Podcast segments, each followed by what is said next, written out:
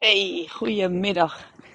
Leuk dat je luistert naar deze aflevering waarin ik je mee ga nemen in het verhaal van mijn jongste cliënt. Ik begeleid met name vrouwen in de overgang, dat weet je waarschijnlijk. Maar niet alleen maar dames in de overgang. Heel soms ook een heer, ehm, maar ook jongere dames. En in dit geval gaat het over een dame van 20 jaar.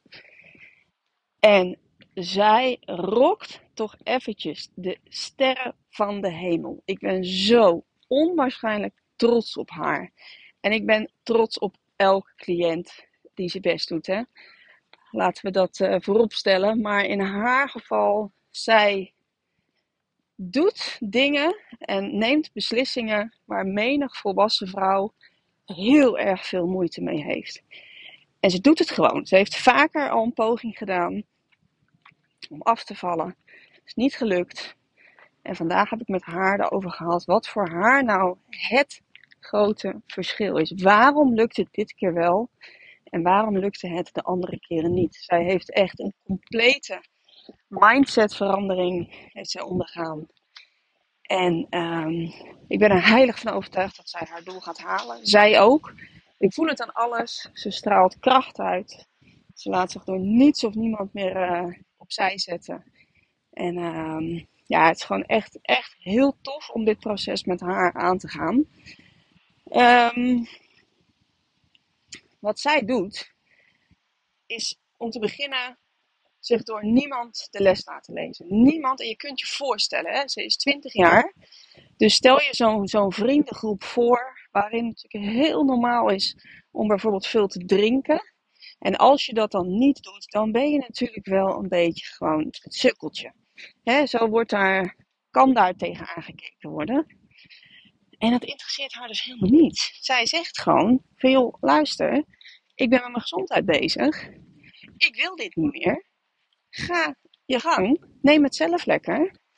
Maar uh, dring het mij niet op. Op het moment dat ik iets wil drinken, dan zal ik het zelf pakken. Daar heb ik jou niet voor nodig. En uh, vind je me niet leuk? Vind je me niet leuk zonder alcohol? Nou, dan kom ik niet. En zo hard heeft ze zich meteen opgesteld. Um, en daarmee dwingt ze gewoon respect af. En iedereen in haar vriendenkring die respecteert dat. En die heeft zoiets van, je bent gewoon echt hartstikke goed bezig. Dus dat is, op dit moment is het ook geen issue meer. Zij weet precies wat ze moet doen als zij een feestje heeft. Ze bepaalt van tevoren, ga ik wel of niet? Ga ik wel drinken? Als ze iets wil gaan drinken, dan kijkt ze van tevoren. Hoeveel calorieën zitten daarin? Wat wil ik precies binnenkrijgen? Ze zegt ook voorheen, dan gooide ik wel eens een blikje achterover met een of ander mixdrankje. En dan was het 300 calorieën, weet ik nu. Toen keek ik daar helemaal niet naar. Nu heb ik iets gevonden dat ik ook hartstikke lekker vind. En er zit 53 calorieën in. Dus bij lange na, voor het vetverbrandingsproces, niet zo uh, schadelijk als dat wat ik voorheen deed. Nou, dan kijkt ze van wat voor hapjes staan er op tafel. Wat vind ik dan lekker? Wat neem ik? Hoeveel neem ik? In plaats van dat achterloze, uh, gedachteloze eten. En maar snaaien en maar doorgaan en maar doorgaan. Omdat ze het gewoon niet meer wil. Heeft zij nou iets wat ze ontzettend graag wil eten, dan ontzegt ze zichzelf dat niet. Maar dan zorgt ze gewoon dat het in haar dag past. En dus dan gaat ze een beetje schuiven en dan weet ze gewoon van oké, ik mag dit. Wat zijn dan de keuzes die ik dan de rest van de dag moet maken? Hè? Want elke keuze heeft natuurlijk weer invloed op andere keuzes. Een keuze is nooit een op zichzelf staand iets. Het heeft meteen invloed op hoe de rest van de dag er dan uitziet. En zij plant dat netjes in en ze geniet ervan. En ze neemt dan bijvoorbeeld één koek in plaats van dat ze voorheen het hele pak opat. Nou, zo is zij continu aan het vooruitdenken, aan het plannen, aan het bedenken: oké, hoe ziet die situatie eruit waar ik nu in ga komen? Wat zouden daar de valkuilen kunnen zijn? En hoe omzeil ik die bij voorbaat al? Dus het ultieme, de ultieme manier om met een vetverbrandingsproces om te gaan. Regeren is vooruitzien en zeker als je wil afvallen en op gewicht wil blijven, dan is het niet aan het toeval overlaten en uh, bijvoorbeeld al nadenken over de omstandigheden en op welk moment dat voor jou moeilijk zou kunnen worden.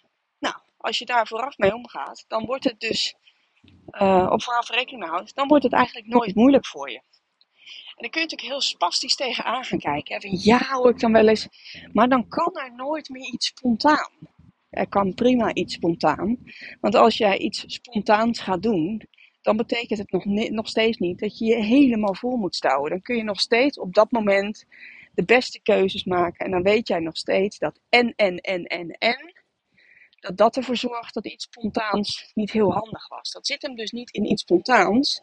Dat zit hem in het feit dat je en een voorgerecht en een hoofdgerecht en een nagerecht en een Irish koffie en nog vier glazen wijn en een mandje stokbrood met kruidenboter, daar zit het hem in. Dat zit hem niet in het feit dat iets spontaans niet meer zou kunnen. Dus bekijk daarin altijd wel heel reëel voor jezelf, waar zit hem nou de schade in? Het is vaak in de opeenstapeling van dat wat je allemaal neemt en naar binnen schuift. Je kunt prima iets spontaans doen. Um, nou, ik zei dus vandaag, ik, heb, ik had net een Zoom-meeting met haar en ik vroeg haar, joh, ik vind jou zo ijzersterk en ik heb zoveel bewondering, zeker gezien jouw leeftijd, hoe jij dit doet. Hoe kan het dat dit jou voorheen niet gelukt is? En haar antwoord was eigenlijk heel simpel. Zij zei, omdat dit geen dieet is. Binnen deze manier, binnen dit programma, mag ik eten wat ik wil. Ik mag bepalen. Voorheen liep ik bij een diëtiste en die zei tegen mij: Je moet ontbijten met XIZ. Ik geloof dat ze Griekse yoghurt noemde. En dan zei zij van ja, maar ik lust geen Griekse yoghurt. En dan zei die beste dame zei tegen haar: Ja, maar het is goed voor je. Start daar nou de dag maar mee. Nou, weet je, dat werkt natuurlijk gewoon zo niet. Dat werkt voor menig volwassene al niet. Laat staan voor een kind in de puberleeftijd. Die denkt, ja, de route voor jou, maar jij gaat mij niet vertellen wat ik moet eten. Dus zo'n kind gaat natuurlijk vol in de contramine. Die, is daar, die, die denkt van, ik bepaal zelf wel wat ik eet. En gelijk heeft ze, gelijk heeft ze. Plus, als zij dan bepaalde lekkere dingen wilde, dan werd er gezegd, ja, maar dat mag niet. Dus aan de ene kant moest er van alles, en aan de andere kant mocht er van alles niet. En dat is precies wat voor haar het verschil maakt. En dat is wat voor mij ook het verschil maakt tussen een dieet en een leefstijl. Als jij binnen jouw afvaltraject dingen moet doen waarvan je 100% zeker weet dat je ze na het afvallen niet meer vol zal houden, niet meer zal doen, dan zit je niet op de goede weg. Want dan is het een dieet. Dan ben je een tijdelijke truc aan het uithalen en ben je geen leefstijl aan het opbouwen. Een leefstijl waarin jij vet verbrandt of op gewicht blijft, is een leefstijl die voor jou op een gegeven moment natuurlijk voelt. En niet alsof je elke dag iets moet gaan doen waar je eigenlijk helemaal niet happy van wordt. En dat je bijvoorbeeld hunkert naar een vakantieperiode, omdat je daar even volledig de teugels los kan gaan laten. Dat is dus wat ik in het verleden deed. Dus het moet bij je gaan passen en dat kan alleen maar als jij de dingen kunt eten die jij heel lekker vindt. Als elke maaltijd een feestje is en als je nooit in termen van goed of fout, of mag niet, of moet ik, of restricties denkt. Als dat binnen jouw nieuwe leefstijl hoort, dan heb je niet een leefstijl te pakken, maar dan ben je aan het diëten. Ik denk dat dat essentieel is om te begrijpen. Als jij een goede afvalstrategie hebt bedacht, dan past daar elk voedingsmiddel in. Dan is er geen goed of fout. Dan is dat ook een koek, dan is dat ook een wijntje als je dat lekker vindt. Dan is dat ook een dropje, dan is dat ook een keer een patatje afhalen, dan is dat ook een keer een pizza. Alleen je wil een mindset ontwikkelen waarin je niet en, en, en wil. Omdat jij jezelf beter gunt dan dat. Maar dat het aan de andere kant natuurlijk ook gewoon heel erg goed vol te houden moet zijn. Kun je wel zeggen, ja, maar goed, als ik me dan zelf dan het aller, allerbeste moet gunnen, dan is dat natuurlijk ook dat patatje en die pizza niet. Door, maar doordat je dat neemt, zul je de overige 80 of 90 procent heel erg goed vol kunnen houden. Dus het is juist een hulpmiddel om voor het allergrootste gedeelte jouw leefstijl gewoon intact te houden. Als je jezelf dingen gaat ontzeggen en je wil alleen nog maar het gezondste van het gezondste eten, dan ben je dus jezelf dingen aan het ontzeggen. Dan denk je in restricties. Geloof ik niet in dat dat op lange termijn haalbaar is. Zij heeft daarin nu de perfecte strategie te pakken. En de verandering ten opzichte van de, ten opzichte van de diëten die zij geprobeerd heeft, is dus eigenlijk heel eenvoudig, heel simpel, maar wel um, van levensbelang. Echt levensveranderend om zo naar voedsel te kunnen kijken. Ik mag alles.